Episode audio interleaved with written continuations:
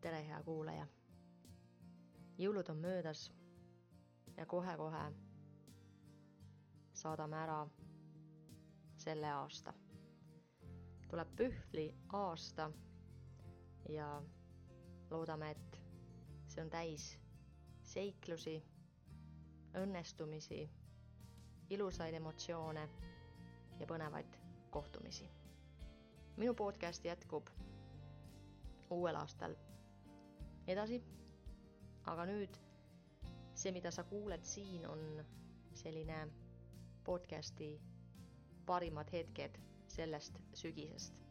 tegin viie eestlasega intervjuud ja kahe soomlasega ja nüüd selles kokkuvõttes, sellises parimad palad, võtan kokku nende viie eestlase intervjuude põhjal mingid mõtteterad nendest intervjuudest ja miksisin need kokku üheks osaks. nii nagu see podcasti mõte, et me võime kõigilt midagi õppida, siis ma usun, et äh, need intervjuud, mis mul sel sügisel oli selle podcasti raames, siis ma usun, et igaüks meist sai nendest mingit mõtlemisainet. ma väga loodan ja nüüd me kuulamegi need väiksed lõigud. olen valinud igast intervjuust ühe lõigu, kuulame kohe. Ja ma ei ütle, et see oli nüüd võib-olla parim lõik, aga see jäi mulle endale võib-olla meelde ja kõlama.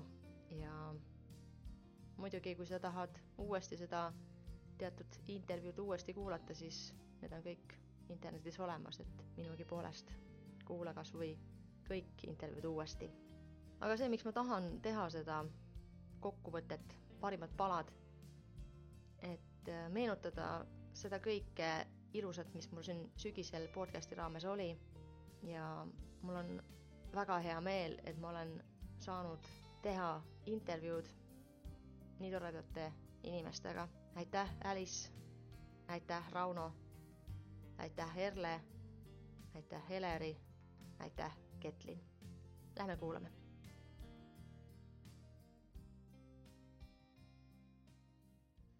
esimesena kuulame Alice'i intervjuust väikest lõiku.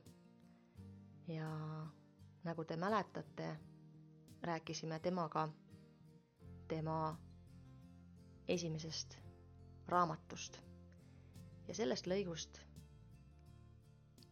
võite kuulda sellest, kuidas unistuste poole pürgida. mul oleks üks küsimus, et mida sa tahaksid öelda neile, kes ei julge võtta kindlat sammu oma unistuse täideviimise suunas? tuleks tegutseda et muud moodi asjad ei juhtugi, et mina ka siin mitmeid-mitmeid aastaid muudkui unistasin sellest, et oleks lõpuks enda kirjutatud raamat minu raamaturiiulis. aga enne kui ma tegutsema ei hakanud sellel suunal, siis seda ei juhtunud. nii et eriti kui veel tunned, et on see õige aeg, siis kindlasti, kindlasti tegutse. minu soovitus, et nii need unistused täituvad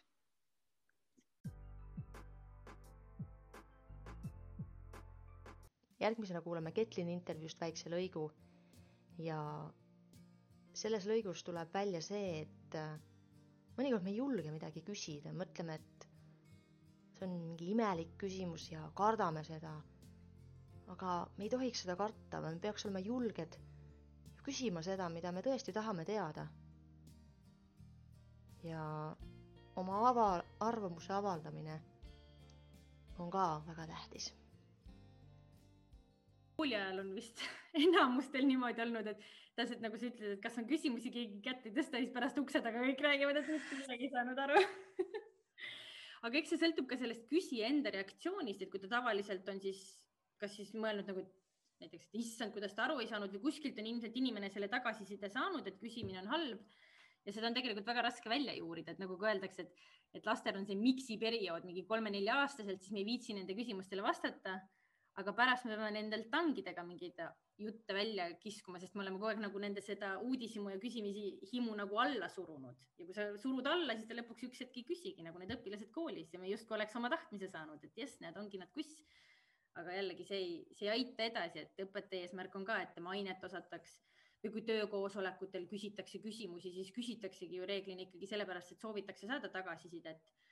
et see tagasiside muidugi ei pea olema mingi plähmine ja selline äh, emotsiooni pinnalt, aga ta võib alati olla läbimõeldud ja selline, et, et minu töökohas on küll vähemalt niimoodi, et, et koosolekud ongi arutelud, et ülemus tulebki selle mõttega, et, et ma olengi siin selleks, et teiega neid asju läbi arutada, et me koos saaksime leida lahendused, kuidas see või too töötaks paremini või et kuidas me saaksime seda nagu paremini teha, et, et kliendid võidaksid, et me ise võidaks või mingis asjas näiteks aega kokku hoida, et, et ähm, lihtsalt võib-olla Põhjamaades, kinnisemate rahvaste maades see niisugune avatus võtab natukene aega, et, et ameeriklased ilmselt on julged, julgemad küsijad, et noh, nemad on sellised nagu emotsionaalse suhtlemise võrdkujud meile, et eestlastel, keda on ka, eks ole, ajalooliselt alla surutud, et eks meil see võtab natukene aega, et me oleksime avatud küsimustele, sest et küsimustega on ka see, et kui seda nii palju tuleb, sa pead oskama neile vastata või midagi teha nende küsimustega, et see jälle tekitab ka ebakindlust sellel, kellelt küsitakse et äh, eks, eks me peame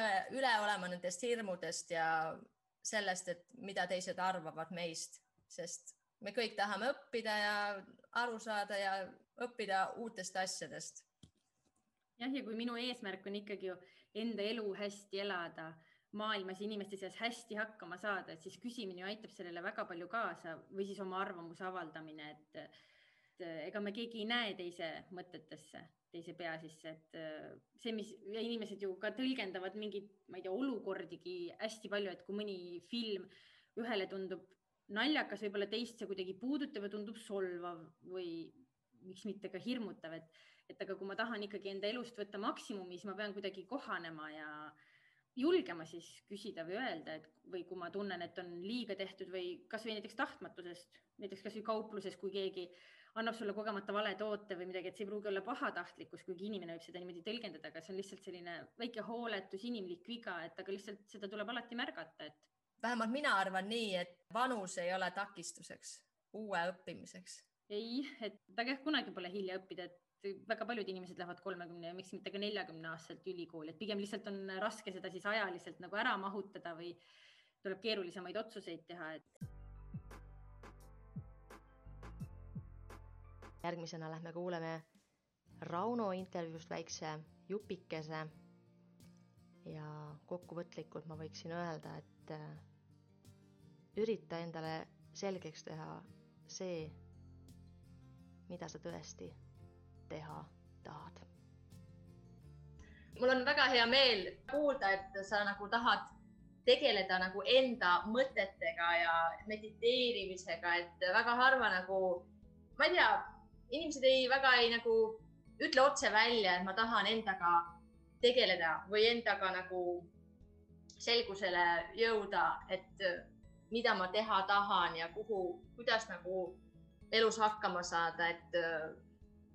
et jah, no see, see ongi nagu, mis noh, minu arvates see ongi nii tabuteema, et keegi ei taha sellest rääkida ja kui kõik on mingid, kui kellelgi on isegi mingid kasvõi väiksemad probleemid, siis nagu sellest võib ju alati rääkida, et kui sa ei räägi sellest eh, mitte kellelegi, siis sa lõpuks kogud seda enda sisse ja lõpuks ongi see, et sa noh, probleemid lähevad aina suuremaks ja sellega sa tõmbad endale uued probleemid kaela ja selle asemel, et nagu noh, sa ei pea isegi kasvõi nagu teistele rääkima, aga proovi nagu selgeks vähemalt mõelda, et mis sa tahad teha nagu endaga Mm -hmm. et eh, kui sa, kui sul ei olegi ju endal plaane selgeid eh, või nagu selgeid plaane, mis sa teha tahad, siis lõpuks noh, kui kaugele sa saad jõuda. lõpmatu rahmeldamise ja lihtsalt nagu millegi tegemisega sa ei jõuagi kuskile. et sa pead ikkagi kõiki, kõik oma sammud läbi mõtlema, et mis sa tahad teha ja kas see läheb nii-öelda sinu eesmärkidega kokku. ja kui need ei lähe eesmärkidega kokku, siis tuleb korraks maha istuda ja mõelda, et kas see nagu on see, mida sa tahad ka tulevikus teha. sellel aastal jõudsingi sellele nii-öelda põhimõttele, et see ei ole tegelikult see, mis ma teha tahan ja ma tahangi tegeleda nende asjadega, mis mind nagu tõesti panebki mul silma särama ja mis aitab minul nagu ka inimesena aren-, areneda.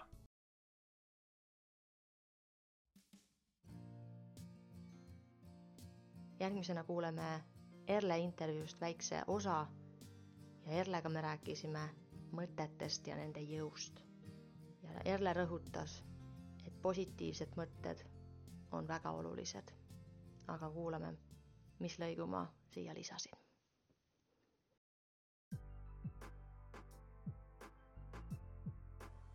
mm. -hmm.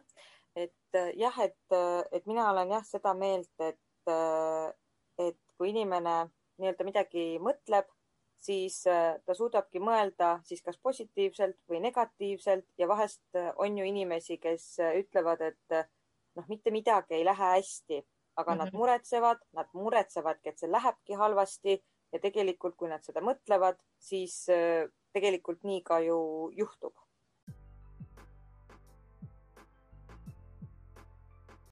järgmisena kuuleme Heleri intervjuust väikse lõigu ja Heleri rääkis perest, kodust ja lastest ja kui tähtis on see, et lapsed oleksid iseseisvad ja oskaksid mõelda ise erinevatele asjadele.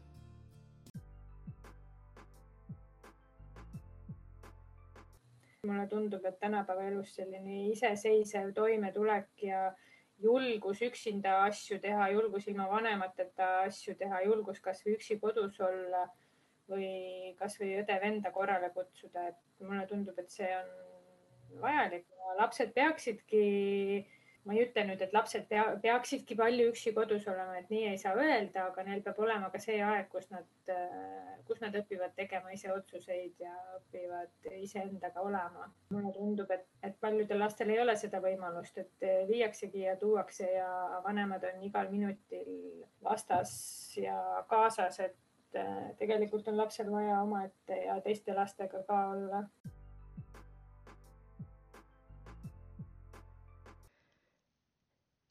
sellised põnevad jutuajamised oli mul nende toredate inimestega sel aastal.